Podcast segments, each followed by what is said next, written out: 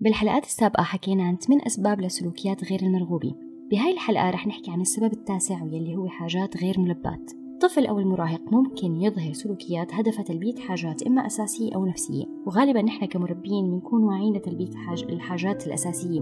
بينما ممكن ما نكون واعيين آه، لتلبية الحاجات النفسية بشكل كامل. وطبعا لما نحكي عن السلوك طبيعي نذكر نظرية الدوافع البشرية لعالم النفس إبراهام ماسلو أو هرم ماسلو للحاجات البشرية. ماسلو اقترح أنه نحن كبشر عنا خمس فئات من الحاجات البشرية اللي بتأثر على سلوكنا. يعني بتأثر أنه نحن كيف بنتصرف. وهالحاجات مرتبة من أسفل الهرم لأول وهي حاجات فيزيولوجية حاجات السلام والأمان حاجتنا للحب والانتماء حاجتنا إلى التقدير أو احترام الذات وحاجتنا لتحقيق الذات. خلونا نحكي أو نفسر هدول الاحتياجات بسياق الطفولة أو بسياق التربية. الاحتياج الفيزيولوجي بيعني حاجتنا الجسدية أو حاجة الطفل الجسدية الأساسية مثل الشرب والأكل والنوم واللبس والدفء وإلى آخره. ماسلو بشوف إنه هاي الاحتياجات الفسيولوجية الأكثر أهمية من جميع باقي أو من باقي الاحتياجات ضروري نلبيها عند الطفل أول وحدة يعني كمثال إذا طفل كان جوعان ما رح يستجيب للأنشطة ما رح يستمتع فيها ما رح يروح يلعب ما رح يعمل أي شيء لحتى يأكل لحتى يشبع حاجة الجوع عنده. كمان إذا كان نعسان ما رح يس... ما رح يستمتع بأي نشاط ما رح ي... يركز بدراسته إذا ما أشبع حاجة الجوع عنده. هيك ببساطة يعني الاحتياجات الفسيولوجية غالبا نحن بنكون واعيين لها إن كنا كبار أو كنا صغار ومشبعة بوقتها أو لما بتظهر. الاحتياج الثاني هو الاحتياج إلى الأمان والسلامة. هو المستوى الثاني من هرم ماسلو بينشأ بمجرد تلبية الحاجة الأولى. يعني نحن ما رح نفكر بهذا الاحتياج لحتى نكون مشبعين الحاجات الأولى. يعني طفل إذا كان ببيئة مثلا خلينا نقول بيئة ما آمنة وهو جوعان رح يفكر بالجوع رح يفكر إنه يملى الجوع يملى بطنه لحتى يفكر مثلا بمستوى خلينا نقول أعلى شوي.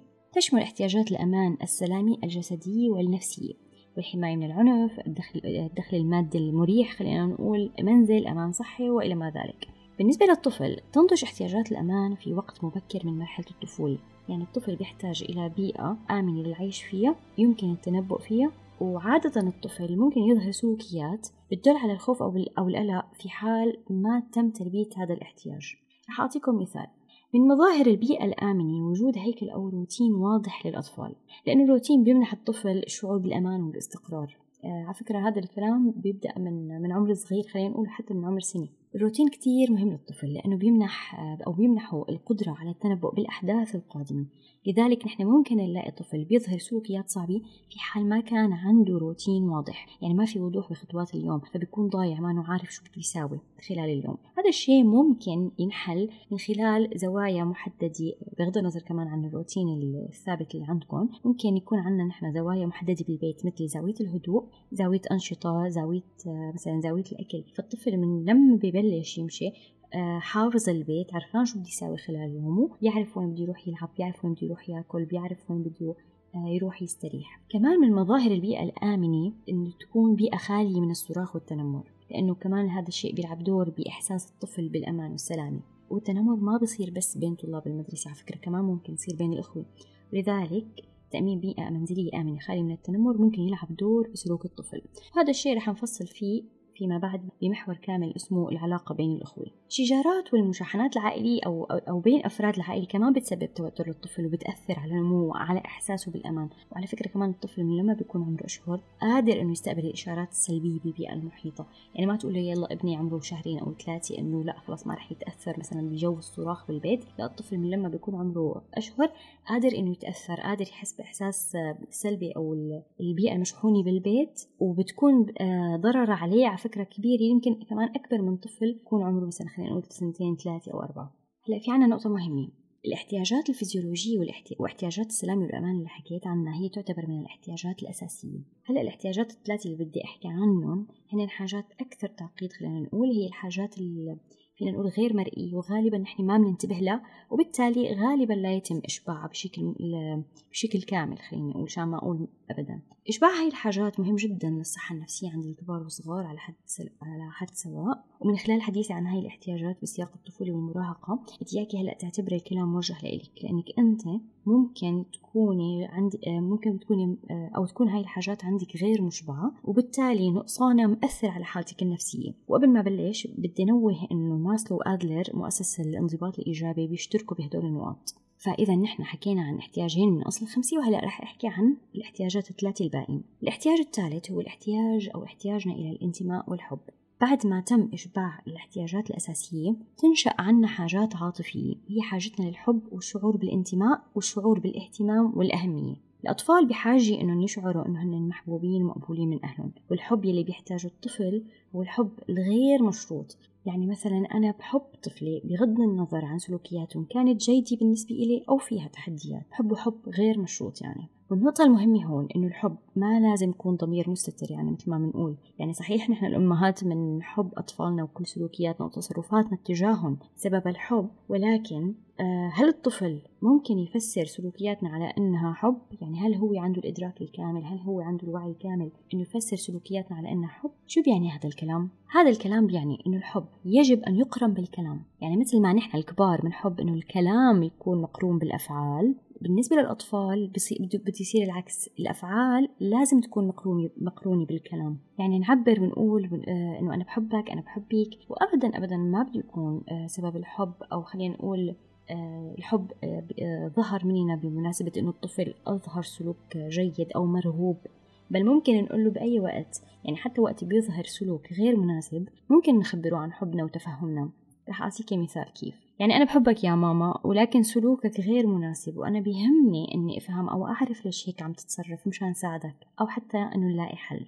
هذا الكلام بالنسبة للحب. هلأ بالنسبة لحاجة الطفل بالشعور بالانتماء نحن البشر آه، بشكل عام مخلوقات اجتماعية وعنا حاجة لحتى نعرف موقعنا من المجتمع اللي بنعيش فيه. الطفل آه، أو المراهق كمان محتاج يشعر إنه بينتمي لمجموعة آه، أو إنه له مكان ضمن مجموعة. وبالنسبة للطفل أكيد العائلة هي المجتمع الأول اللي بيتعرف عليه. وبأكد هون إنه الطفل بحاجة ليعرف وين مكانه بالعائلة. مثل ما بنقول بالعامية يعني إنه شو موقع شو موقعي أنا بالإعراب؟ هلأ ما بعرف إذا بتلاحظوا معي إنه غالبا احتياج الانتماء عند الطفل لا يلبى إذا كان عدد الأطفال كبير أو إذا كان الطفل ترتيبه الوسط. يعني ممكن نفرض يعني إنه الطفل الوسط لا له محصل أهمية الكبير ولا له محصل دلال الصغير. طبعا هلا أنت بدك تسأليني شو الحل آه لحتى نتعامل مع هاي الحاجة. آه رح أقول لك إنه نحن بنهاية هذا المحور رح اعطيك بعض الأدوات اللي أنت رح تطبقيهم آه رح نطبقهم بشكل تجريبي. يعني رح ناخذ آه فترة زمنية محددة ونطبقهم حتى نشوف إذا رح ناخذ آه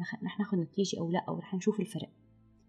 وهلأ اجى دور نحكي عن الاحتياج الرابع واللي هو من أهم الاحتياجات ومن الاحتياجات اللي نحن غالبا ما بنكون واعيين له في سياق التربية عند الطفل وعند المراهق. حتى نحن عندنا عندنا نحن الكبار آه غالبا آه بصير عنا آه خلينا نقول مشاكل بالصحة النفسية بسبب إنه نحن ما عم نقدر نلبي هذا الاحتياج. هذا الاحتياج اسمه الاحتياج لتقدير الذات أو احترام الذات. هذا الاحتياج بيتعلق بالذات الداخلية يعني حاجتنا لاحترام وتقدير أنفسنا وحاجتنا لشعورنا بأنه الناس بتحترمنا وبتقدرنا. هذا الاحتياج بيشمل حاجتنا للاستقلال حاجتنا لحفظ الكرامة الحرية الثقة وشعورنا بالإنجاز. من خلال هذا الاحتياج بنقدر نفهم أن الطفل والمراهق عندهم احتياج للشعور بالإستقلال والحكم الذاتي على أنفسهم. لأنه نحن كبشر عنا استعداد فطري للسلطة والقوة. والطفل ما قادر طبعا على استلام زمام الأمور أو زمام السلطة مثل ما بنقول والتحكم بأي شيء خاصة إنه نحن بنختار شو بده يأكل شو بده يلبس شو بده آه لوين بده يروح لوين بده يطلع مع مين بده يرافق إلى آخره. فبما أنه الطفل عنده استعداد فطري للقوة للقوة والسلطة هو لازم يشبع هاي الحاجة بأي طريقة. ورح يظهر سلوكيات مختلفة على شكل صراعات يومية على السلطة بالبيت. لحتى يشبع هاي الحاجة. وطبعا بالتأكيد أنا كل حديثي بيشمل الطفل والمراهق. والسؤال المهم هون نحن كمربين شو ممكن نعمل لحتى نشبع احتياج تقدير الذات عند الطفل وعند المراهق؟ إشباع هاي الحاجة ممكن يتم بعدة طرق ولكن هلأ هون باختصار فيني أقول لكم إنه ممكن إنه نحن نوجه الطفل ليشبع هاي الحاجة بطريقة إيجابية ومنتجة. ومن خلالها يشعر بأنه هو فرد قادر وعنده قوة ومساهم بطريقة فعالة بالبيئة يلي عايش فيها. رح أعطيك شوية أمثلة. في حال آه، إذا الطفل آه، خارج المنزل الرياضات الجماعية الأداء المدرسي الجيد رح يلعب دور أكيد بإشباع هاي الحاجة. أما بالبيت في خطوتين بسيطات ولكن جدا عمليات ورح يساهموا بشكل كتير كبير بأنهم يشبعوا هاي الحاجة عند الطفل واللي هن آه، أولا توفير فرص للتعبير عن الرأي. يعني نحن نسمح للطفل أو المراهق بأنه يعبر عن أفكاره ورغباته واتخاذ بعض القرارات الخاصة فيه أو على الأقل يشارك باتخاذ القرارات يلي بتخصه بتخص العائلة. آه، الخطوة الثانية يلي هي عن جد لها تأثير كتير كبير آه، على على على المدى القريب والبعيد اللي هي المساهمة في الأعمال المنزلية. الطفل ممكن يشعر بأهميته أنه هو شخص فعال آه، لما بيساهم بالأعمال المنزلية. وطبعا نأكد هون على ضرورة توكيل مهام محددة مناسبة لعمر المراهق والعمر الطفل حتى يكون قادر على أنه ينفذها على أكمل وجه وبالتالي يشعر بالتقدير والثقة والاحترام تجاه نفسه.